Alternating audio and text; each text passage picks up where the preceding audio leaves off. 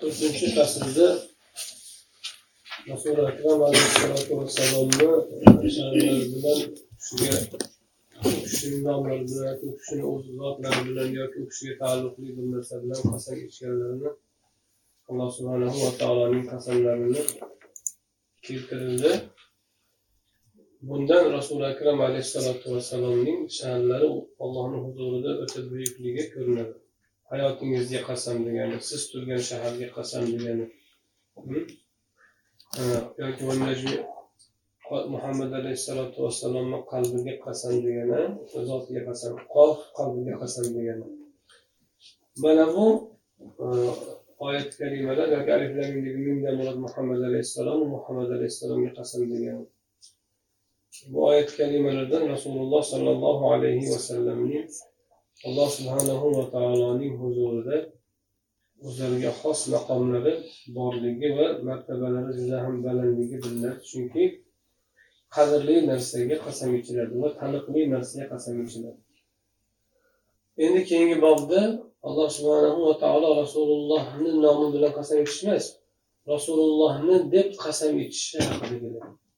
Rasulullohga bir so'zni aytish uchun rasululloh sollallohu alayhi vasallam uchun qasam ichish oldingisi rasululloh bilan qasam ichish oldingisi endi beshinchi fasl rasululloh uchun qasam ichish bu ham rasuli akram alayhissalotu vassalomga xosatan xitob qilishda u kishiga u kishi uchun qasam ichilishi ham u kishining allohni huzurida martabalaridan ahamiyatlari balandligidan bo'ladi. Birinchi misol والضحى surasi والضحى ya'ni choshgohga qasam deyiladi duha choshgoh payti choshgoh payti kun tarqagan kunni tobib bilingandan boshlab kun qiziguncha bo'lgan payt bo'ladi choshgoh vaqti bor vaqtga qasam ichadi alloh subhana taolo bu yerda alloh bu qasam bilan nimani ifodalaydi bu vaqtni ahamiyatini ifodalaydi orqasidan vallay u tunga qasam Bunga qasam saja ila saja saja degani zulmat qoplagan sukunat olgan degan. Sukunat olgan zulmat qoplagan paytidagi tunga qasam. Bu bilan alloh taolo kechagi kunduzga qasam ichgan bo'ladi. Zulmat qoplaganda masalan xuftondan keyingi paytda dim qorong'u zulmat qoplab hamma yotinadiyu o'sha paytga qasam ichgan choshgoh kunni qizg'in payt ya'ni hayotda faollik boshlangan payt choshgoh istirohatga kishilar cho'mgan payt tunni o'sha sajuga kirgan payt. Kunning eng ahamiyatli va kunni o'zi bilan emas kunning eng ahamiyatli qismi bilan tunning eng muhim qismi bilan qasam ichgan kun bilan tunni o'zi bilan qasam ichish bor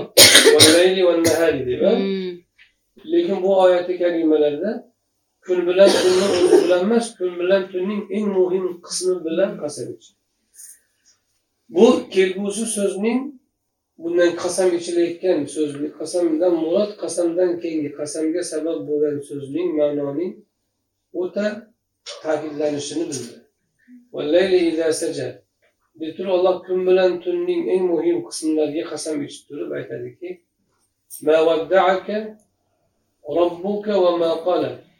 robbingiz sizni tashlab qo'ygani yo'q yomon ko'rgani ham yo'q. Qola yomon ko'rish. Keyingisi siz uchun oldingidan yaxshidir. Keyingi siz uchun oldingidan yaxshidir. Hali sizga robbingiz beradi ato qiladi.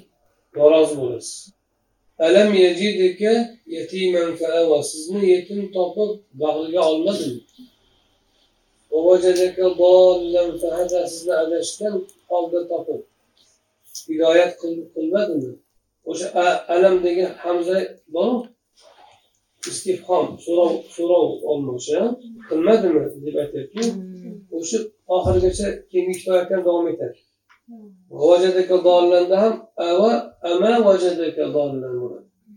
Ama vajadaka ailan degani vajadaka dollan fahada sizni adashgan holda topib hidoyat qilmadimi muhtoj holda topib behojat qilmadimi? Yetimga kelsak unga bosim o'tkazmang. So'rovchini jirkimang noming robbingizni ne'matini bo'lsa so'zlang deb aytadi. Mana shu oyat kalimalarda rasuli akram alayhissalatu o'zlariga bag'ishlangan surani boshidan oxirigacha hammasi.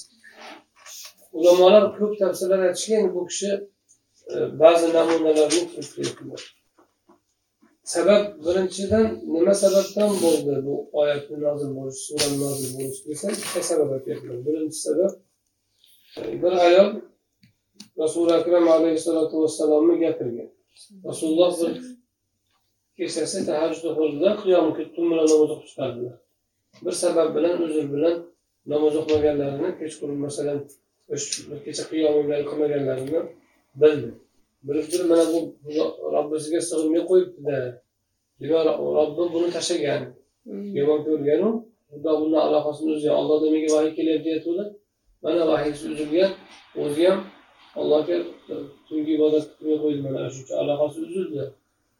Deb bir ayol gapirgan deyapti. O'shanga raddiya bo'lib tushgan. Siz tashlab qo'ygani yo'q. Yomon ko'rgani ham yo'q. Yoki ikkinchi qavlda birinchi sabab bo'lsa ikkinchi qavldagi sabab e, vahiy bir muddat to'xtagan. Fatratul vahiy fatratul vahiy ya'ni vahiy muddati to'xtagan muddat. Mushriklar bir muddat vahiy kelmay qolganida shu gapni aytishki mana muhammad vahiy kelyapti deyatgandi kelyapti deyatgandi kelmay qo'ydi. Olloh uni tashladi.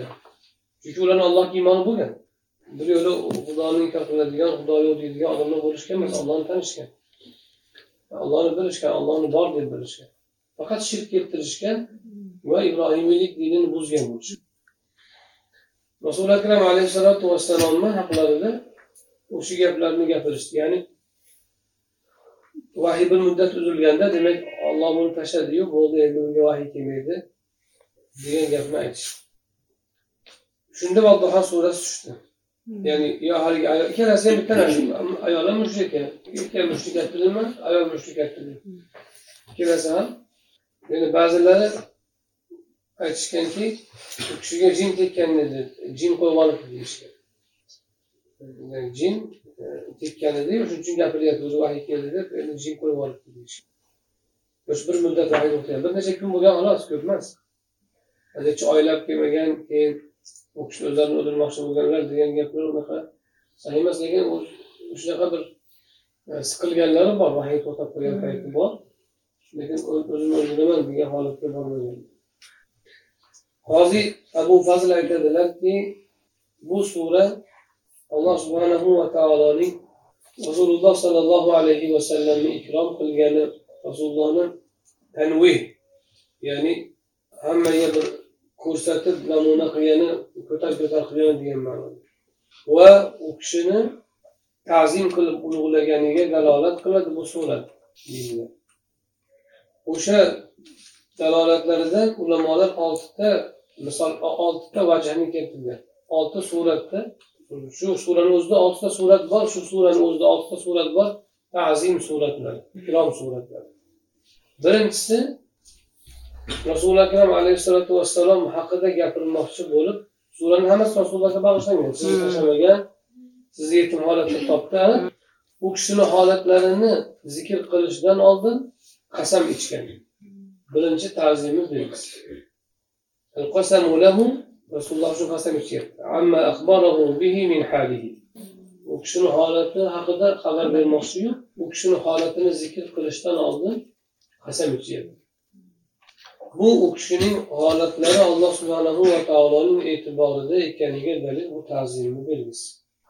Endi o'sha e, tunga qasam choshgohga qasam degan so'zni u o'sha vaqtni o'ziga qasam deb aytilgan bo'lsa bir qavl ba'zilar o'sha vaqtning robbiga qasam deb ta'bir qilyapti choshgohning robbiga qasam ya'ni o'zimga qasam zotimga qasam degan هذا من أعظم درجات المبرة o'sha alloh subhanahu va taoloning rasuli akram alayhisalotu vassalomga iltifotini eng yuqori darajalaridan ikkinchi vajh birinchi vajh demak qasam ichgan ikkinchi vajh ikkinchi surat nima rasulullohni ta'zimlariga dalolat qiluvchi bu surat Robbingiz sizni tashlab qo'ygani yo'q yomon ko'rgani ham yo'q. Degan oyati karimada hmm? sizni tanlagandan keyin ehm-, ehmol ya'ni bee'tibor tashlab qo'ygan ehmol e'tiborsiz qoldirish sizni tanlab olgandan keyin e'tiborsiz qoldirgani yo'q bitta qavl undan oldingisi sizni tashlab qo'ygani yo'q yomon ko'rgani yo'q. Mana shu gapni aytish bilan rasulullohning makonatlari manzilalari alloh huzurida balandligini ko'rsatish. Bu ikkinchi surati ta'zim ya'ni sizni tashlab qo'yganim yo'q sizni tark qilganim yo'q deganini o'zi alohida ta'zim hisoblanadi tashlab qo'yishlik aka deganda tashlab qo'yishi bu muomalada bo'ladi. Qola yomon ko'rish bu ichki narsa alloh taolo bu oyatda aytmoqchiki sizni tashlab qo'ygani yo'q ya'ni sizdan uzilgani yo'q. Yoki sizga bo'lgan aloqasi zohirda ham botinda ham o'zgargani yo'q. Alloh taoloni huzuridagi mavjudiyat o'zgargani yo'q va zohirdagi sizga munosabati ham o'zgargan degan. Uchinchi uchinchi surat alloh subhanahu va taoloning bu surai karimadagi rasulullohga bo'lgan ta'zimlaridan. Oxirat sizga oxirat degani o'zi keyingi degan. Lal axiratu keyingi kelguvchi narsa degan. Bizda odatda endi oxirat degani keyingi kelguvchi narsa dunyodan keyin bo'lgani uchun oxirat tushuniladi ko'proq. Keyingi kelgani oldingidan siz uchun yaxshiroq. Ibn ishoq aytayotganlarki maaluka ya'ni maal oqibat degani oqibatingiz marja qaytishdagi ollohni huzuridagi oqibatingiz dunyoda bergan karomatidan ko'ra sizga ato qilganidan balandroq yaxshiroq afzalroq ulug'roq buyukroq. Ya'ni boradigan joyingiz dunyoda siz ancha muncha qiyinchilik ko'rishingiz mumkin dunyoda ancha muncha e, holat bo'lishi mumkin. Lekin dunyodagi hozirgi holatingizdan ko'ra oxiratingiz siz uchun yaxshiroq. Degan e, sahl aytgan ekanlarki sahl abdulloh tutadigan. Man alloh subhanahu va taolo shafoat yoki maqomi mahmud kabi sizga saqlab qo'ygan narsalari bor. Ular sizga bu dunyoda bergan narsalardan ko'ra yaxshidir. Ko'p ulamolar lal axiratidan murod oxirat emas deyishgan mutlaq har bir narsaki sizga taalluqli bo'lsa oldingisidan keyingisi yaxshi bo'ladi. Rasuli akram alayhissalotu vassalomni oldingi hollaridan ko'ra keyingi hollari boylikda. Keyin boyroq bo'ladi. Quvvatlari va alloh subhanahu va taolo huzurida maqomlari har lahza ko'tarilib boradi. Har lahza allohga yaqinliklari ziyoda bo'lib boradi. Shuningdek u kishiga bergan ne'matlari ham faqat ziyoda bo'ladi. Masalan u kishini haqlariga salovat. Shuning uchun? Damma dam ziyoda bo'ladi. Musulmon ko'payyaptimi namoz ko'payadi namoz ko'paydimi? Salovat ko'payadi musulmon ko'paydimi? Ozon ko'payadi ozon ko'paydimi? U kishini zikrlari ko'payadi va hokazo. Qiyomatgacha ziyoda bo'lib boradi qiyomatda ham ziyoda bo'ladi lekin bu hozirgi tafsirlar ba'zi tafsirlar ya'ni maqomi mahmud o'sha arshni yonida rasululloh akram alayhissalotu vassalom sajda qilib insoniyatga shafoat so'raydilar. O'sha maqom mahmud deyiladi. O'sha mahmud maqomi va shafoat uzmo. Eng katta shafoat ya'ni hammaga yetadigan shafoatlar. O'sha shafoatlari shu shafoat maqomi dunyodagi holatingizdan ko'ra yaxshi.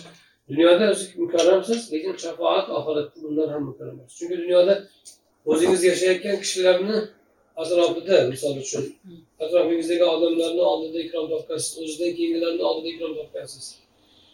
O'zidan keyingilar tanigan sizni ammo oxirat o'zidan keyingilar muhtoj bo'lgan sizga ammo oxiratda butun insoniyat muhtoj bo'ladi butun insoniyat sizni oldingizga keladi shafoat demak oxiratdagi holatingiz afzalroq to'rtinchi surat sura karimadagi rasuli akram alayhissalotu vassalomga bo'lgan allohning ikromi savfa so'zi kelajakka xoslaydi fe'lni. Yu'tika sizga beradi degan bo'lsa savfa yu'tika desa hali beradi degan. Ya'ni bir muddatdan keyin berishini bildiradi. Hali sizga robbingiz beradi ato qildi. O'zi ato so'zi ato bo'lsa ato muhammadan muhammadga berdi. Nimani degan savol ikkita ikkita mafulni talab qiladi. Yutikadagi kaf birinchi maful. Yana bitta mafulni talab qiladi. Masalan siz aytsangizki men maryamga berdim. Nimani degan savol tug'iladi nimadir u ikkinchi mafulni talab qiladi bu fe'l. O'sha maful hazf qilingan o'chirib olingan. Oyat karim sizga olloh beradi nimani desa o'chirib yuborilgan mahzuf ikkinchi maful mahzuf. O'sha e, nimani bildiradi desa chegarasizlikni bildiradi. E, falon narsani desa o'sha narsaga cheklanib qoladi. Robbingiz sizga beradi degani ya'ni zikr qilib tugatib bo'lmaydigan narsalarni beradi degan. O'sha uchun zikr qilmay qo'yiladi. Hazb qilyapti bu yerdagi hazb E, zikrni e, bo'lmasligi bir mafuni zikr qilinmasligi umum ta'mim uchun ya'ni ko'p narsani o'z ichiga olish uchun umumiy bo'lishi uchun ma'lum narsaga cheklanmasligi uchun. Men maryamga kitob berdim desangiz kitob bergan bo'lasiz boshqa narsa emas. Kitob va qalam berdim desangiz kitob va qalam bergan bo'lasiz boshqa narsa emas. U beriladigan narsalar hisobsiz bo'lsa zikr qilinmaydi. Toinki zikr qilinishi bilan cheklanib qolmasin robbingiz sizga beradi ato qiladi degan. Nimani ato qiladi?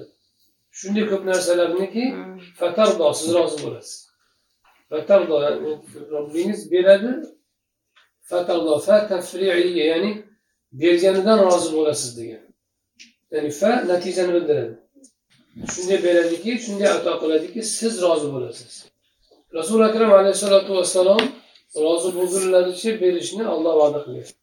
Alloh taolo rasulullohni rozi qilish men sizni yomon ko'raman yomon ko'radi emas robbingiz sizni yomon ko'radi emas balki sizni rozi qilmoqchi shu qadarki siz rozi bo'lguncha bermoqchi bu ularni qilayotgan tuhmatlari gumonlarini tashladik yomon ko'rib qolish u yoqda tursin yaxshi ko'rish ham shu darajadaki sizni rozi qilguncha qilmoqchi sizni rozi qilishni payida hali robbingiz shunday beradiki siz rozi bo'lasiz oxiri rozi bo'lgunizcha beradi mana shu oyat deydilar ayatun jamiatun karoma turli ikromlarni va anvai saada har har nav saodatni o'z ichiga olgan oyat bu oyat in'am. Har tur inom ne'matlarni o'z ichiga oladi ikki dunyo va ziyada e, fil in'ami va ziyada. Ya'ni rasulullohga doimiy ziyodalik bo'lishi doimiy u kishida faqat o'sish bo'lishini ifodalovchi oyatdir.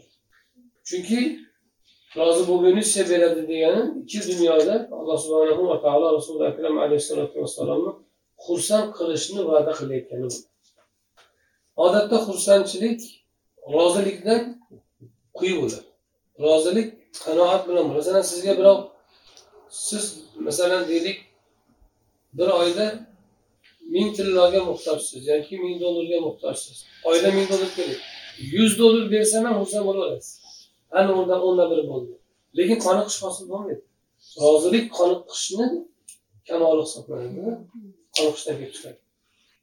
Demak siz rozi bo'lasiz degani qalbingizda hech qanday yana falon narsa bo'lsaydi degan orzu qolmaydi. Hammasini beramiz ikki dunyoda alloh subhanahu va taolo u zotga o'zini ikromini ko'rsatishi va turli ne'matlarni berishi va barcha ne'matlarni jamlab berishini va'da qilgan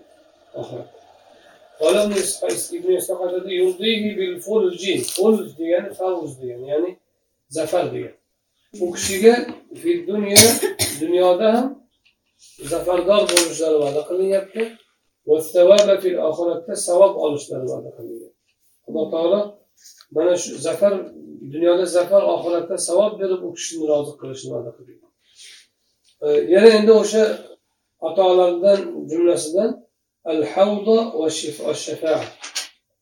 Ya'ni havzi kavsar va shafoat chunki rasululloh akram alayhisalotu vassalom mahsharni o'zida birinchi havzni ichiradi havuzdan suv ichiradi. Rasulullohni havuzlaridan ichgan kishi chanqaldi chanqalib chiqib qaytdi abadiy bir jannatda ham abadiy chanqoqlik his qilmaydigan bo'ladi ya'ni chanqoqlik hissi yo'qoladi va shafoat shafoat ham atolardandir rasululloh sollallohu alayhi vasallamni ahli baytlaridan birlaridan rivoyat qilinadiki aytgan ekanlarki qur'oni karimda mana shu dan ko'ra umidliroq umidbaxshroq oyat yo'q. Arja umidbaxshroq chunki nima uchun desa rasululloh sollallohu alayhi vasallam ummatlaridan biror kishining do'zaxga kirishi bilan rozi bo'lmaydilar. Ummatlarining birortasi do'zaxda qolishiga rozi bo'lmaydilar. Rozi bo'lgunizcha beraman dedimi? Ummatlaringizni do'zaxdan chiqaraman deydi yoki do'zaxga kiritmayman degan u yerda dohil bo'lmaydi deb aytyaptilar do'zaxda do'zaxga kiradi albatta ummati muhammaddan chunki hadis sharifda keladi man jannatga kirganimdan keyin shafoat bo'lib e, shafoat qilib ummatlarim kelib balki o'zim ham kirganimdan keyin qadah tortiladi sharob ichishga qadahni qo'limda ushlab turgan paytimda ummatlarimdan biri esimga keladi u kirdimikin jannatga deb so'rayman u do'zaxda qolgan bo'ladi qo'limdagi qadahni tashlab ketib allohga iltijo qilishga tushaman toki uni ham jannatga kiritmaguncha rasuli akram alayhissalotu vassalomni mehribonliklari ma'lum ummatlarini do'zaxda qolishini istamaydilar. Binobarin u kishiga ummat bo'lgan kishi do'zaxda qolmaydi. Bu eng katta o'ziga umid qilinadigan oyatki umidbaxsh oyatki sizga rozi bo'lgunizcha beraman degandan keyin rasululloh ummatlari do'zaxda bo'lishini xohlamarkanlarmi? Bo'lsa rozi bo'lmarkanlarmi? Albatta alloh taolo u kishini rozi qiladi. Beshinchi surat ikrom surati.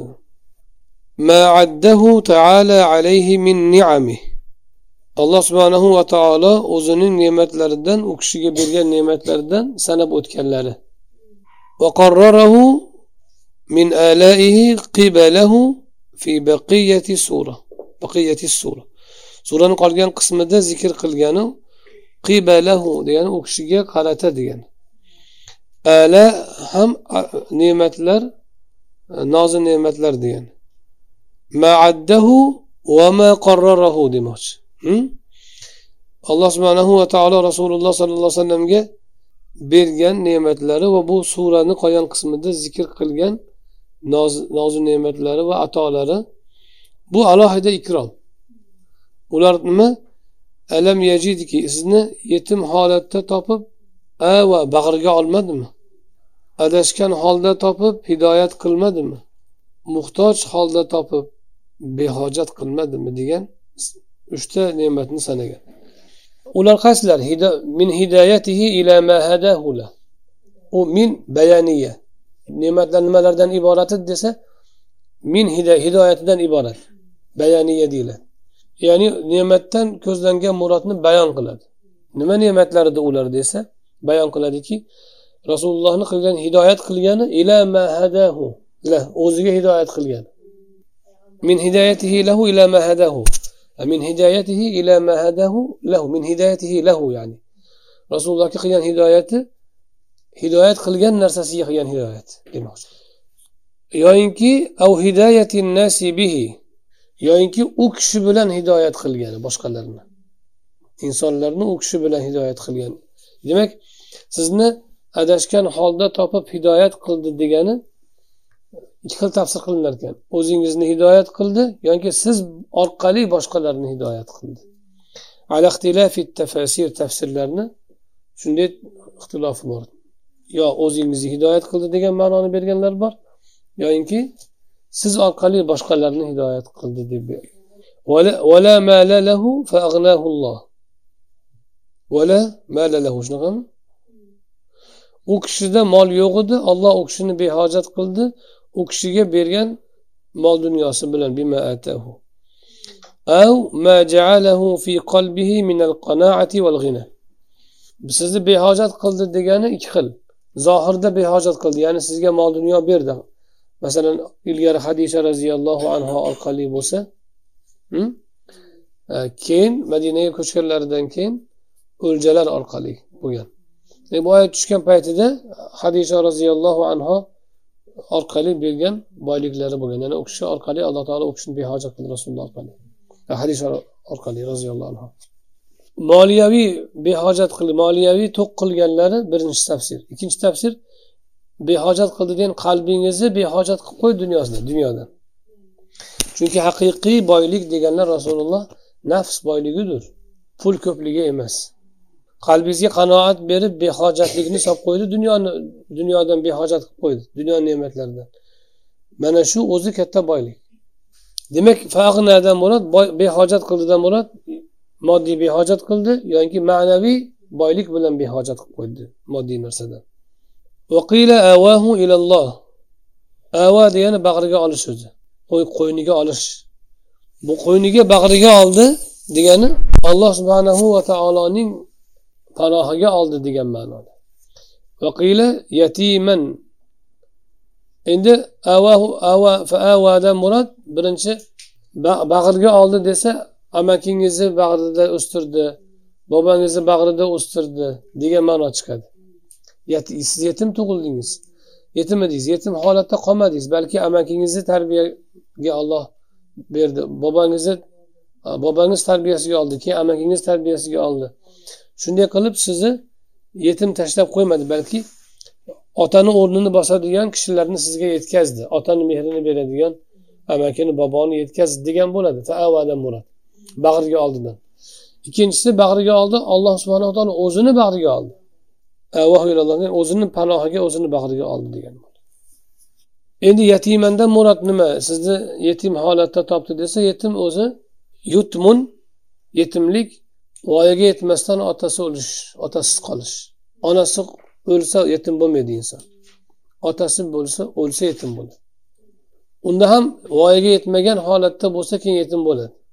U ellikka kirganda ham opa dadasi o'lsa yetim bo'lib qolmaydi. Yetim voyaga balog'aga balog'atga yetmagan odamni otasi o'lsa keyin yetim bo'ladi. Endi o'sha yetim birinchi ma'nosi shu chunki rasuli akram alayhisalotu vassalom otasi tug'ilganlar asli. Tug'ilganlarida otalari vafot etgan bo'lgan.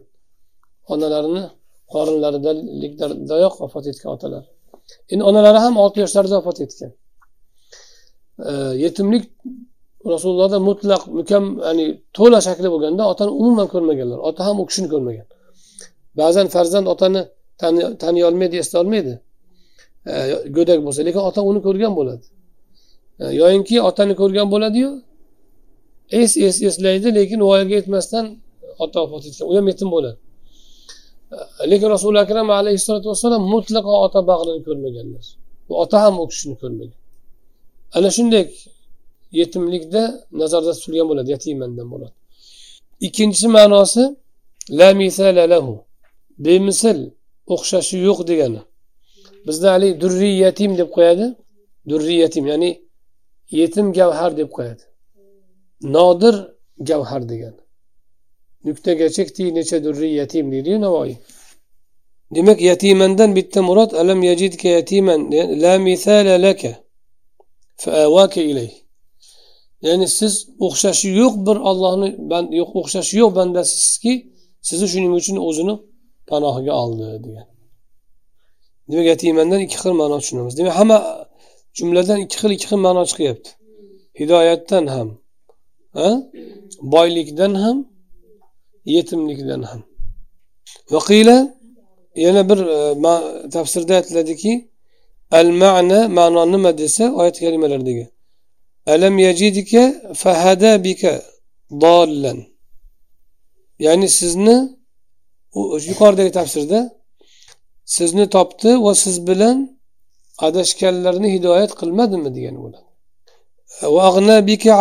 Siz bilan muhtojni behojat qilmadimi va ava bika yatiman siz bilan yetimlarni bag'riga olmadimi degani bo'ladi ذكره بهذه المنن وأنه على المعلوم من التفسير لم يهمله في حال صغره وعيلته ويتمه وقبل معرفته به ولا ودعه ولا قلاه فكيف بعد اختصاصه واصطفائه bu ne'matlarni nima uchun zikr qilyapti alloh taolo? Sizni tashlab qo'ymadi sizni tark qilmadi sizni yomon ko'rmadi deb turib orqasidan bu, bu ne'matlarni zikr qilyapti. Nimaga desa aytadiki bu ne'matlarni olloh zikr qilyapti. Go'daklik paytlarida muhtoj paytlarida yetim paytlarida ollohni hali tanimaslaridan turib oldingidek vahiy bilan tanimaslaridan turib alloh taolo u kishini tashlab qo'ymadi. Bee'tibor qoldirmadi. Yomon ko'rgani ham yo'q. Shunday ekan endi tanlab olgandan keyin vahiy tushirgandan keyin tashlab qo'yarmidi? Hali vahiy tushmay turib hali allohga u kishi rasuli akram alayhissalotu vassalom bog'lanmay turib hali payg'ambar bo'lmay turib go'daklik paytlaridan parvarish qilgan o'sha paytdan behojatlik bergan o'sha paytdan u kishini e, hidoyat qilgan zot endi tashlab qo'yarmidi? Tanlab olgandan keyin. Vahiy tushirgandan keyin. Yo'q bo'lishi mumkin emas. Bu kishini xotirjam qilyaptiki bu oyati karimalar. Sizni alloh taolo tashlab qo'ymagan yoshligingizda ham. Yetim holatda topib e, sizni bu bag'riga oldi. E, adashgan holda topib hidoyat qildi. Muhtoj holda edingiz sizni behojat qildi. Vahiy kelmay turib shuncha ne'mat berdimi sizga? E, demak vahiy kelgandan keyin o'ziga tanlagandan keyin tanlamay turib shunchalik e'tibor qilib turgan zot tanlagandan keyin tashlab qo'yarmidi sizni? deb aytadi. Oltinchisi نعمته عليه ما شرفه به بنشره وإشادة ذكره بقوله تعالى وأما بنعمة ربك فحدث فإن من شكر النعمة الحديث بها وهذا خاص له amun li ummatihi. Robbingizni ne'matini bo'lsa zikr qiling dedi gapiring. Fahaddis zikr gapiring degan so'zlang degan alloh taolo so'zlang deb buyuryapti. Nimaga buyuryapti?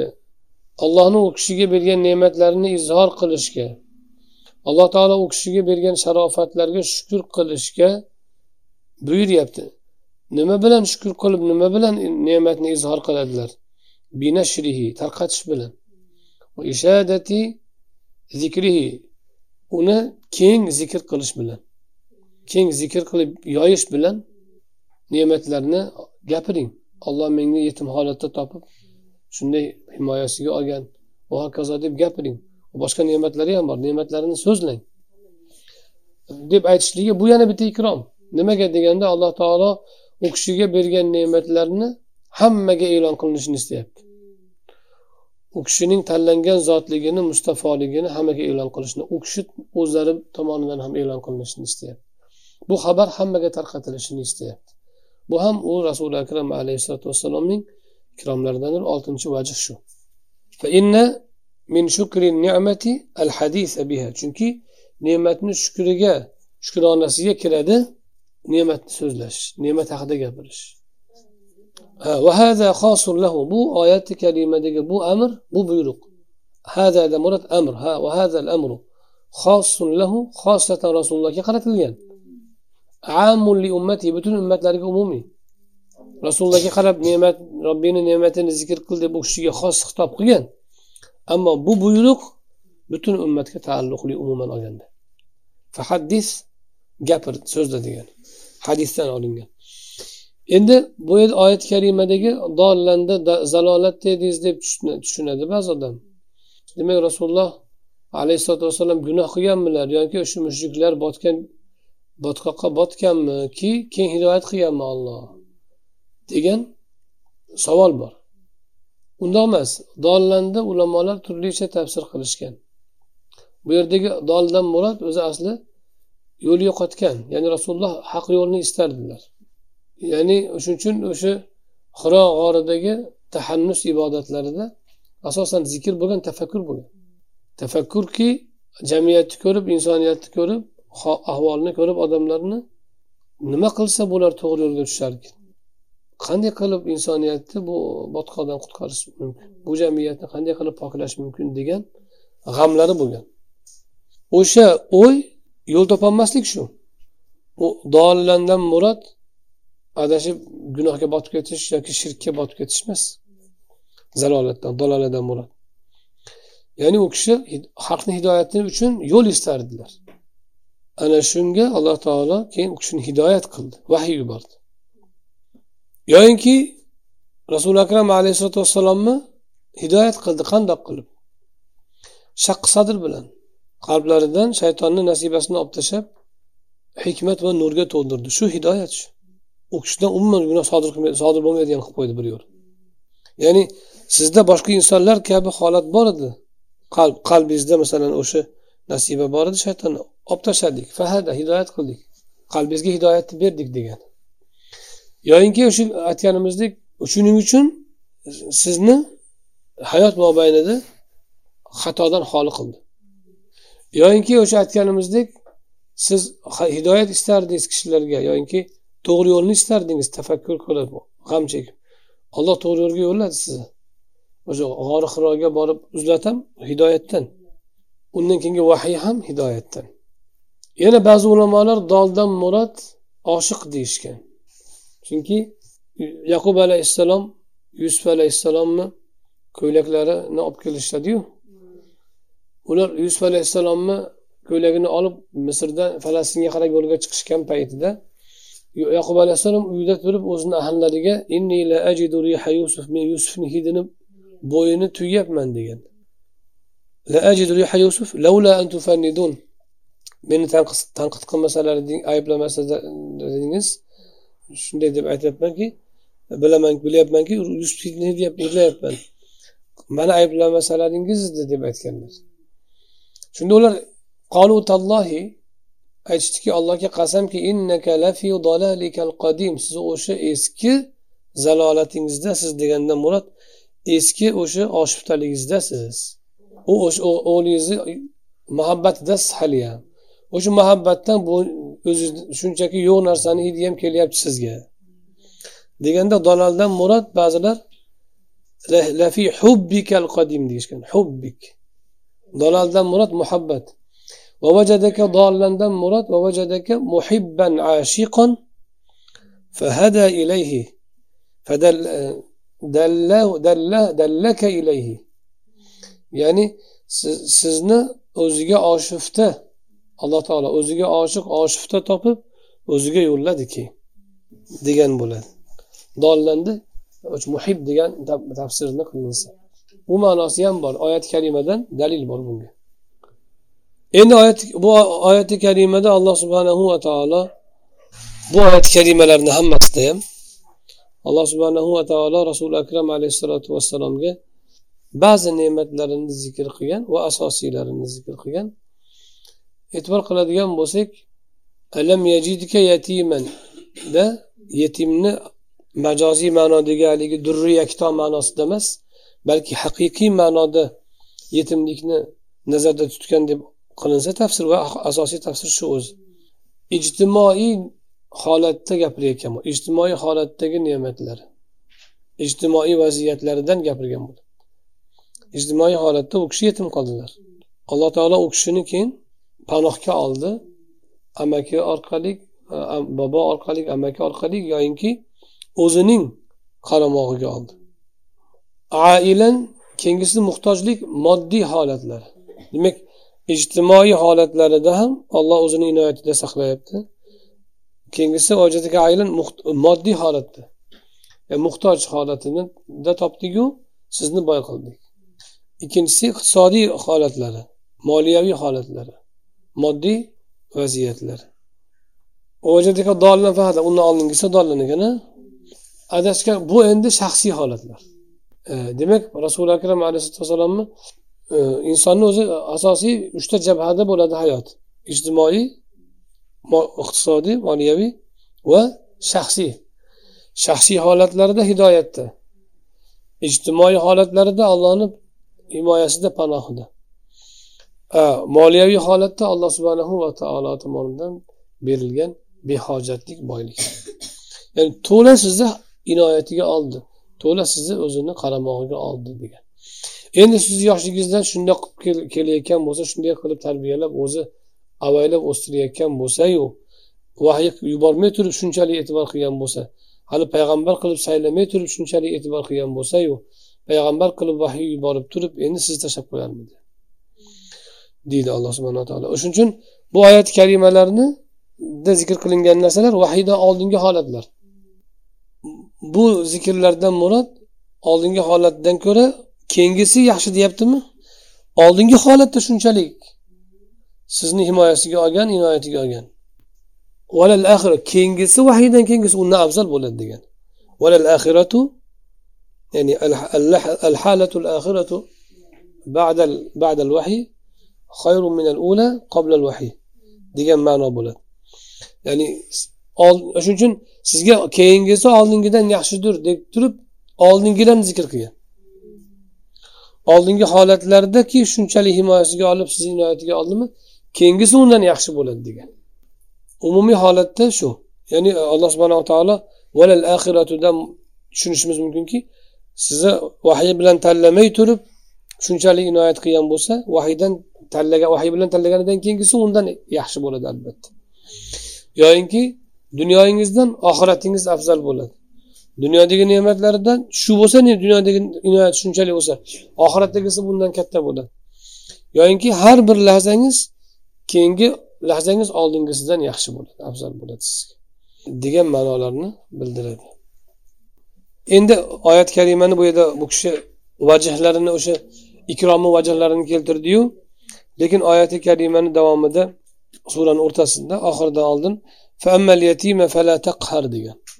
Taqohar. Yetimga qahr qilmang. Qahr degani bosim o'tkazish zug'um o'tkazishni aytadi. Zug'um emas bosim o'tkazishni aytadi. Yetimga qahr qilmang. So'rovchini tanhar jerkimang fala tanhar jerkimang endi bu oyat kalimalarda nima nuqtalar bor?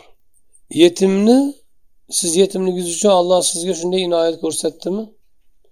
Siz ham yetimga shunday inoyat bo'ling u ahsin kama ahsanallohu ilayka o'xshagan. Ya'ni alloh taolo sizga qanday yaxshilik qilgan bo'lsa boshqalarga shunday yaxshilik qiling siz ham degan. So'rovchini jerkimang demak muhtoj odammi? So'rovchi muhtoj odam bo'ladi. Olloh sizni muhtojligingizda sizni behojat qildimi? Boylik berib siz ham so'rovchini jerkimang ya'ni birov kelib bir narsa so'rasa peshonani burishtirib yoki yoqimsiz holatni ko'rsatmang degan. Bu ham o'sha yuqoridagidek ya'ni sizga qanday biz ne'mat ko'rsatayotgan bo'lsak bandalarimizga o'shandek munosabatda bo'ling degani bo'ladi.